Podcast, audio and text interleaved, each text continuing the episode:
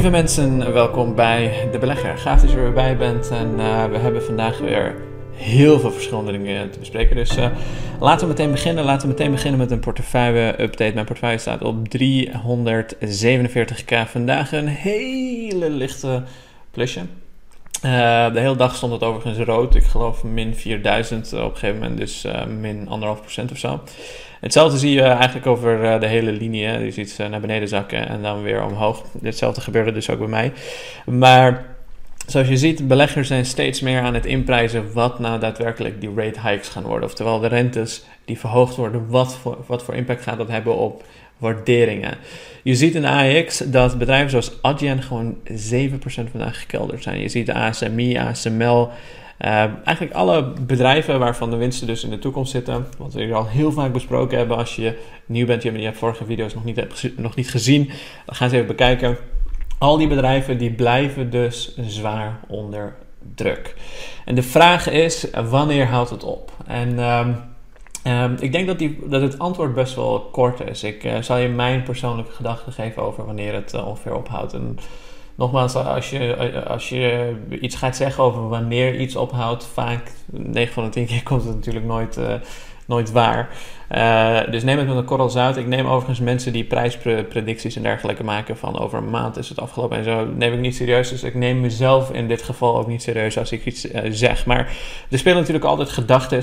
Um, een van die gedachten is dat we, of mijn persoonlijke gedachte daarover is dat we waarschijnlijk uh, wat we eigenlijk de, het afgelopen anderhalf jaar misschien wel eens gezien hebben. Wat je vaak wat je als trend continu aan het zien bent, is dat er heel veel gespeculeer bestaat over die renteverhogingen. En uh, dat dit gespeculeer eigenlijk veel erger is dan de daadwerkelijke verhoging. En ik denk dat dat is iets wat we uh, ook gaan zien. De komende week, ik geloof eind januari, uh, is er een meeting van de Fed. En in maart is een heel belangrijke meeting. Dat is misschien wel de belangrijkste meeting, de FOMC-meeting. En daar zullen dus bekend worden gemaakt hoe de Fed denkt over die renteverhogingen. En vooral over het verkleinen van een balance sheet. Dus hoeveel obligaties ze daadwerkelijk gaan verkopen. Dus tegen die tijd dus tot en met maart zul je sowieso nog volatiliteit uh, blijven krijgen. Ik denk dat je richting juni, mei, uh, dat je inflatiecijfers stukken achteruit ziet gaan. Ik denk niet meer dat je percentages van rond de 7% en dergelijke gaat zien. Uh, mocht het wel gebeuren, hebben we een probleem, maar ik denk niet dat het gaat gebeuren. Um, maar ik denk dat dat een beetje de samenloop van omstandigheden wordt tot, een, uh, tot met mei, juni, uh, juli, dat soort zaken. Want ergens in mei, juni, juli, dat, dan, dan worden de cijfers pas echt uh, waardevol en interessant. Um, maar tot die tijd moeten we nog even afwachten. En het mooie is dat de, het kwartaalcijferseizoen begonnen is. Voordat we een aantal bedrijven bekijken die hun kwartaalcijfers hebben gerapporteerd. En zoals je weet, ik ga de komende tijd regelmatig kwartaalcijfers um, uh, bespreken. Volgende week ga ik trouwens wel wat minder video's maken. Ik heb een aantal persoonlijke dingen die ik even moet uh, afhandelen. Waarschijnlijk zal ik maandag, dinsdag en woensdag geen video's maken. En donderdag en vrijdag wel video's maken. Maandag is de beurs sowieso gesloten. De beurs in de VS in ieder geval is uh, gesloten. Um, dus uh, let daar wel even op dat ik de komende uh, week waarschijnlijk tot en met donderdag geen video's zal maken. Maar laten we beginnen meteen met de allereerste cijfers die vandaag naar buiten zijn gebracht. Retail sales dropped 1.9% in December as higher prices caused consumers to curb spending. Retail sales die komen ook regelmatig uh, eigenlijk maandelijks uit door de uh, verschillende instanties die daar verantwoordelijk uh, voor zijn. En de cijfers van deze keer zijn veel slechter dan verwacht. Uh, retail sales declined 1.9% in December, much worse than the forecast of 0.1% drop. Dus dat betekent dat Amerikanen minder hebben uitgegeven aan producten en diensten in de retailsector. En het wordt erger. Uh, voor een bedrijf als Shopify zal dit hopelijk niet al, al te slecht nieuws zijn. Maar laten we het zien. Uh, laten we zien wat de daadwerkelijk um, um, impact gaat zijn in de kwartaalcijfers van uh, Shopify. Dat scheidt ook onderaan de kaf van het koren. Als dit soort cijfers naar buiten komen, welke bedrijven gaan er dan juist onder, zelfs onder die um, omstandigheden goed doen? En Ik denk dat Shopify het prima gaat doen en ik zal je uitleggen zo meteen waarom. Retail sales fell uh, much more than expected. The advanced monthly, the advanced monthly sales report to close out in the year, uh, 1.9%. Excluding autos, sales fell 2.1%. En inflatie is overigens hier niet eens meegenomen. Considering that the sales numbers were not adjusted for inflation, the data to slow ending to what otherwise would have been a strong 2021, in which sales 16% rose 16% in the pandemic scared era of uh, 2020. Um, Inflatie is dus niet eens meegenomen. En als je inflatie meerekent, dan is het eigenlijk dus veel erger dan deze cijfers. Maar waarom ik denk dat het nog erger wordt, is als je kijkt naar e-commerce spending. Laten we even kijken. De Consumer Price Index rose 0.1, inflation 7. Online spending took the biggest hit. Um, as a share of overall spending with non-store retailers reported a plunge of 8.7% for the month. Furniture and home furnishing sales declined 5.5%, and sporting goods and music and bookstores saw a 4.3% drop. Surging Omicron cases extracted damage across the board as consumer, consumer activity waned. Dus online sales zijn gewoon 8,7% gedaald. Vervelend voor Shopify, denk ik zo. In ieder geval voor de Shopify uh, merchants. En vervelend voor een bedrijf als Amazon, eigenlijk alles wat met uh, e-commerce en online stores te maken heeft. 8,7% gedaald. En nu moet je wel voorstellen dat het natuurlijk van een belachelijke hoogte vandaan komt. Hè? Um, we zullen zo meteen even naar de verschillende um, variaties in, in, in, in, in de getallen kijken. Maar Um, ehm, 8,7% gedaald is best wel fors. Dus dat zullen sommige bedrijven waarschijnlijk wel merken. Tegelijkertijd moet je ook voorstellen, uh, dit gaat over december. December was um, natuurlijk de kerstmaanden. Dus je zou moeten zeggen, mensen hebben online cadeautjes en dergelijke besteld. Maar heel veel mensen hebben hun shopping al in november gedaan. Black Friday valt in november. En uh, omdat er juist al heel veel werd gesproken over... Um, uh, over de supply chain disruptions en dat uh, het heel moeilijk zou zijn om bepaalde type goederen en producten binnen zijn huis te krijgen. Dus als je ging bestellen dat het veel langer zou duren, hebben heel veel Amerikanen dus ook vooruit besteld. Dus de, in, in, in november heb je een heel grote hike gezien in online spending en in december dus minder. Dus dat, dat zou een verklaring kunnen zijn. En een bedrijf als Shopify die rapporteert natuurlijk over het hele kwartaal en niet per se over, het maand, over de maand december. Dus uh, laten we nogmaals zien hoe Shopify gaat rapporteren. Anyways, dit vond ik interessant om uh, te delen. Dit zijn interessante cijfers op macro-economisch niveau om te blijven volgen. Dit laat namelijk de sterkte uh, zien van de Amerikaanse economie. En die uh, is niet zwak, maar het is ook niet zoals verwacht hoog. En dat zou onderaan de streep ook goed nieuws kunnen betekenen natuurlijk voor inflatie voor de komende maanden. Want um, als, als de retail sales laag zijn, dat betekent ook dat er niet zoveel opgekropte vraag is als er verwacht werd. Dat misschien vraag afneemt en daardoor dus ook um, inflatie misschien wel sneller afneemt dan, dan dat we denken. Uh, zoals je weet, Katie Wood, die heeft heel duidelijk in haar analyse gezegd dat Um, uh, doordat we in een bepaalde cyclus zitten. Hè? Ik heb uh, een hele interessante video gemaakt voor mensen die lid zijn van de community van een uur, waar ik je meeneem door de verschillende cyclussen van de markt. Bekijk die als je dan begrijp je veel beter wat ik bedoel. Maar we zitten op een bepaald moment waarbij bedrijven overoptimistisch hebben ge, gespendeerd. Dus bedrijven hebben ontzettend veel goederen en diensten, vooral goederen ingeslagen om te zorgen dat ze aan een opgekropte vraag kunnen voldoen. En als die opgekropte vraag minder blijkt dan wat mensen hadden verwacht, en dat kan. Pardon. Ik.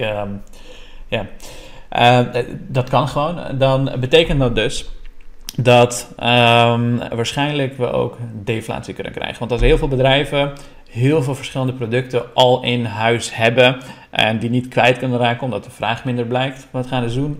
prijzen naar beneden. Dus laten we zien hoe het zich allemaal uh, ontwikkelt. Maar uh, dit betekent niet meteen goede of slechte cijfers. Het is in ieder geval minder dan uh, verwacht. Daar reageren beleggers natuurlijk nooit enthousiast op. Die willen idealiter zien dat het richting de verwachting is op zijn minst of lager. Dat is als je idealiter wilt. Of beter, laat ik het zo zeggen, niet lager.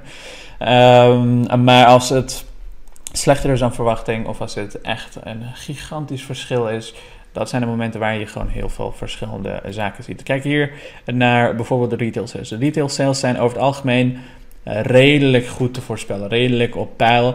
Wat je ziet, laten als we even puur naar de afgelopen 10 jaar kijken, zie je zo omhoog, omlaag, omhoog, omlaag, omhoog, omlaag, omhoog, omlaag. En dat heeft vaak te maken met dat bedrijven dus uh, continu aan het ja, pijlen zijn van wat is de vraag uh, vanuit consumenten. En als consumenten nou eenmaal geld hebben uitgegeven, dan heb je niet meer geld, dus dan gaat het weer omlaag enzovoort. Maar laten we even kijken naar de afgelopen vijf jaar. Je ziet tijdens COVID echt dat het eigenlijk gewoon een schop onder de reet heeft gekregen. Een enorme schok onder de reet. En het is gewoon gigantisch hard gedaald, daarna weer omhoog. En je weet, een van de wetten van de natuur, een van de wetten van de grote getallen is dat als iets zo gaat, dan gaat het ook weer zo en dan gaat het weer zo en dan langzaam aan zou je weer um, stabiliteit krijgen. En ik denk dat dat waarschijnlijk ook de komende jaar, twee jaar gaat, uh, gaat gebeuren. Um, anderzijds natuurlijk, banken die hebben hun kwartaalcijfers gerapporteerd. En banken hebben kwartaalcijfers gerapporteerd waar niet iedereen even uh, tevreden op heeft gereageerd. Laten we kijken even naar hoe er gereageerd is op de beurs. BlackRock heeft, uh, nou, BlackRock, is veel meer wealth management dan iets anders. Uh, heeft gerapporteerd, daalt met 2%. JP Morgan daalt met 6%.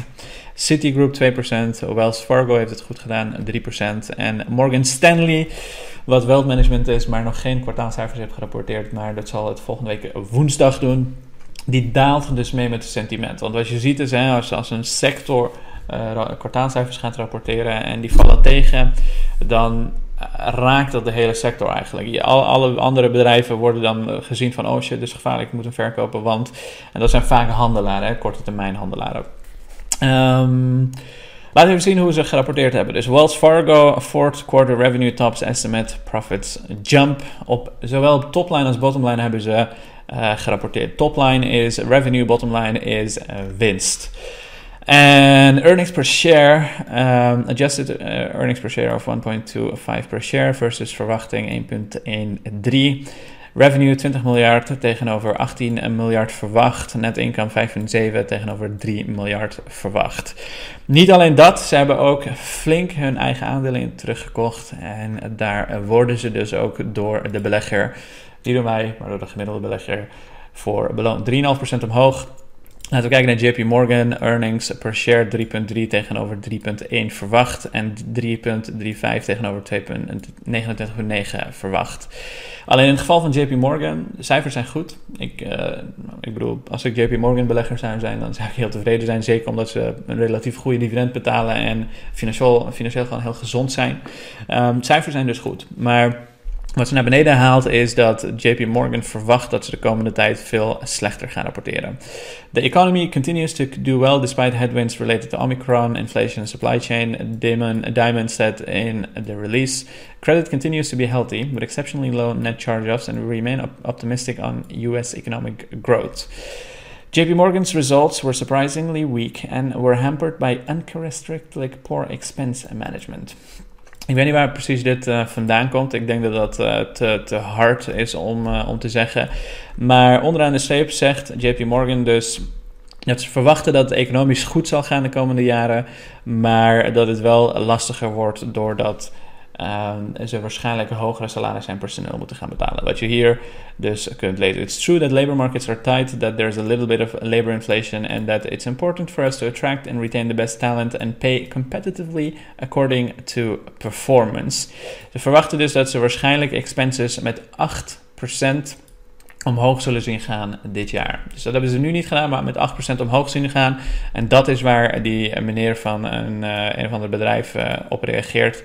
Dat JP Morgan dus um, gewoon slechte expense management doet.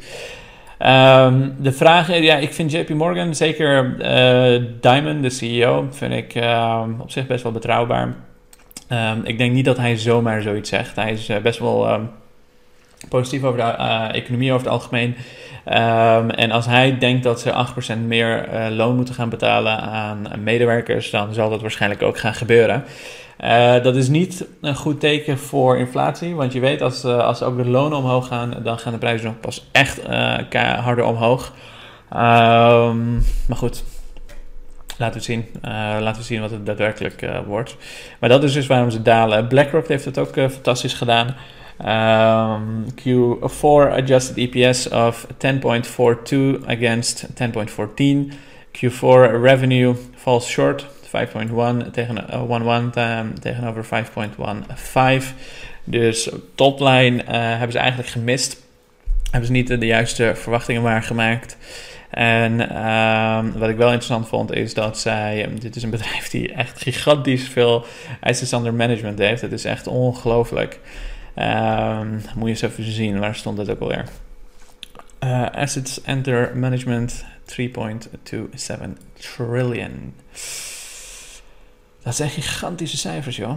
Uh, volgens mij ze iets van uh, een half triljoen, 550 miljard erbij aan assets under management. Dus echt ontiegelijke cijfers heb je het hierover bij dit bedrijf. Maar ook zij worden dus lichtelijk afgestraft. En je kan BlackRock veel meer vergelijken met een Morgan Stanley dan een bank met een Morgan Stanley. Maar goed, laten we zien hoe de komende tijd uh, gaat. Dus uh, over het algemeen hebben banken goed gepresteerd. Outlook ziet er niet fantastisch uit voor banken. Daar worden ze dus ook op afgestraft. Um, en degene die dus gemist hebben, de mis is niet zo hoog als dat er, um, dat er verwacht werd. Maar er zijn natuurlijk ook heel veel mensen die zeggen dat banken waarschijnlijk uh, onder de hogere rentestanden het heel erg goed gaan doen. En waarschijnlijk veel hogere winsten zullen gaan zien. En ook met die hogere expenses um, waarschijnlijk hele goede winsten gaan boeken. En um, niet geheel onbelangrijk dat ze dividenden gaan verhogen, omdat ze dus die hogere winsten nu aan het boeken zijn en zullen gaan boeken. Want geloof het of niet, ze hebben allemaal wel goed gepresteerd. Um, er is geen enkel bedrijf die geen goede winst hebben gemaakt. Ze hebben eigenlijk allemaal verwachtingen waargemaakt. En degene die het niet hebben gedaan, misschien met 100, 200 miljoen uh, of iets of miljard of iets dergelijks. Dus, ja, miljard, uh, miljoen. maar dit soort bedrijven gaan dus waarschijnlijk ook hun dividenden verhogen. Uh, financieel zien, ze er heel gezond uit. In de 2008-crisis zijn ze deel van het probleem geweest. Nu hebben ze laten zien dat ze deel van de oplossing zijn geweest. Dus um, daarmee hebben we de aflevering van vandaag behandeld. Als allerlaatste wil ik je nog even een ding laten zien wat ik ook op Instagram heb gedeeld. Is, ik krijg bij dit soort momenten, hè, wanneer de beurs aan het dalen is, krijg je heel veel slecht humeur onder mijn comments. Uh, op, op video's en dergelijke. En uh, dat is voor mij niks nieuws, want ik doe dit al twee jaar. En iedere keer als de beurs daalt, heb je allerlei figuren die van alles nog wat vinden. De een die zegt, ja, everyone is a genius in a bull market. Laten we zien hoe uh, die en die het verhoudt. En de ander die zegt, oh, je gaat al je geld kwijtraken, enzovoorts, enzovoorts geloof het of niet, jongens, uh, als je in goede bedrijven zit die financieel gezond zijn, die een goede sterke marktpositie hebben, dan zal de ergste crash van de wereld, die zal er niet uh, heel veel mee uitmaken. In het ergste geval ben je dan misschien een paar tientallen procenten kwijt voor een jaar, twee jaar, drie jaar. Als je gewoon goed en lekker in je vel zit, je hebt het financieel goed, op, goed voor elkaar, goed in orde, dan zul je daar ook niet te veel last van hebben. Ik, geef altijd het voorbeeld van laten we zeggen, je koopt uh, een, een, een boerderij in plaats van een, uh, een aandeel. dat boerderij ga je morgen niet verkopen omdat een keertje de, de, de, de, de, de, de oogst tegenvalt. Of omdat er nu te, weinig aan het regenen is of dat soort zaken. Nee, je gaat er proberen echt iets van te maken. En als je een goed boerderij hebt gekocht die in een goede ligging zit en je werkt, er, er zit een goede persoon bij, je hebt de juiste samenwerking met de juiste klanten enzovoorts, dan zul je als boerderij het over, over het algemeen gewoon goed doen. En als je niet in financiële problemen komt, niet alleen jij, maar ook je bedrijf dat je bezit, eh, dan zul je dus over de loop van tijd heen verschillende omstandigheden, omstandigheden meemaken en zul je dus ook goed blijven doen. Dit is een typische comment. Uh, dit, was net bij de COVID-crash. Uh, van iemand die zegt van de 170k, toen was mijn portefeuille 170k waard, uh, was het naar 80k gedaald. Het was 180k zelfs waard trouwens, uh, op de allerhoogste punten en was naar 80k gedaald. Dus 100k kwijt toen ook, nu ook 100k kwijt overigens, maar toen was het natuurlijk een veel groter percentage. Um, hou je hart vast, die 80 jaar gaat naar 30 jaar. Je kan beter op het moment je winst zien verdampen. Ik heb het op uh, momenten dat mijn winst zag verwateren besloten om alles te verkopen. Je bent dik een ton kwijt. AUB gebruik geen uh, woorden als fictieve winst. Uh, je weet zelf hoe hard je moet werken ervoor. Je bent op het hoogste punt ingestapt, of niet uitgestapt. Al dit soort gedoe, jongen, ik krijg het zo vaak. En Het probleem is dat heel veel uh, jonge beleggers, nieuwe beleggers, onervaren beleggers, die komen in de markt en uh, die bezitten een aandeel en staat een, een, week, twee weken, misschien drie weken of vier weken of whatever, hoe lang het ook is op de korte termijn in het rood. Die panikeren als van hier tot Tokio omdat ze of te veel risico hebben genomen, of geen onderzoek hebben gedaan, of geen ervaring hebben. Maar uh, en natuurlijk is het niet bij elk bedrijf zo. Hè. Er zijn ook bedrijven waar het gewoon slecht gaat en op de lange termijn enzovoorts. Uh, dat zijn de bedrijven die ik, ik hopelijk dan niet bezit. Maar ik, ik, denk als ik puur naar de financiën kijk dat ik bedrijven bezit die over het algemeen goed zullen gaan doen. En op de korte termijn weet je natuurlijk nooit wat er gaat gebeuren. De meeste bedrijven die ik in mijn portefeuille heb, die het zo belachelijk goed hebben gedaan de afgelopen jaren, die hebben het dus ook goed gedaan omdat ik ze door alle verschillende scenario's en dergelijke heb behouden. Er zijn ook bedrijven waarvan ik afscheid heb genomen, waar het bijvoorbeeld financieel niet meer zo goed ging. Of omdat ik uh, er niet meer achter stond, omdat het management opeens gekke dingen begon te doen. Of allerlei verschillende zaken. Er zijn heel veel bedrijven die natuurlijk zijn afgevallen. Maar over het algemeen, als je, als je in goede bedrijven zit, uh, hoef je je niet echt heel veel zorgen te maken. Maar de vraag is dus of je in goede bedrijven zit. En ik, als ik puur naar mezelf kijk, denk ik van wel. En als je je echt heel veel zorgen maakt, ga jezelf gewoon even afvragen um, waarom je bent begonnen met beleggen. Waarom zit je in de markt? Heb je niet te veel risico genomen? Heb je geld om de komende jaren uit te zingen? Mocht dit, laten we zeggen, twee jaar duren, heb je de mogelijkheid. Want op dit soort momenten, wanneer de beurs daalt, lijkt het uitzichtloos voor heel veel verschillende bedrijven. Dan ga je alle negativiteit tien keer erger zien, tien keer harder zien, tien keer meer uh, voelen dan normaal. En dat is wat het moeilijk maakt bij dalende beurzen. Dat je die uitzichtloosheid uitschakelt, dus emotie uitschakelt. En dat is wat ik vaak doe door gewoon simpelweg te kijken naar de cijfers, te kijken naar de realiteit. Hoe doet het bedrijf het? En op basis daarvan mijn beslissingen te nemen. Maar goed, uh, zoals altijd, geen enkel vorm van financieel advies uh, hier. Je bent altijd zelf verantwoordelijk voor de beslissingen die je neemt. En ik hoop dat ik in ieder geval het een en ander heb kunnen meegeven, kunnen nadenken, zodat je zelf je eigen beslissingen kunt maken als het op je eigen belegging aankomt. Voor de mensen die het interessant vinden en deze video dus hebben afgekeken, want dat is best wel een lange video. Uh, je wilt lid worden, laat even hieronder, gebruik even de link hieronder en gebruik even de kortingscode LID99, zodat je ook nog eens een mooie korting krijgt. Er zijn heel veel verschillende type content, leerzame content, waar je leert bijvoorbeeld hoe je naar de financiën van het bedrijf kijkt, je hebt toegang tot mijn gehele portefeuille enzovoorts. Check even de link en zorg even dat je die kortingscode gebruikt, want hij is tot eind januari geldig. En daarmee wil ik je danken voor het kijken vandaag en nog een hele fijne avond.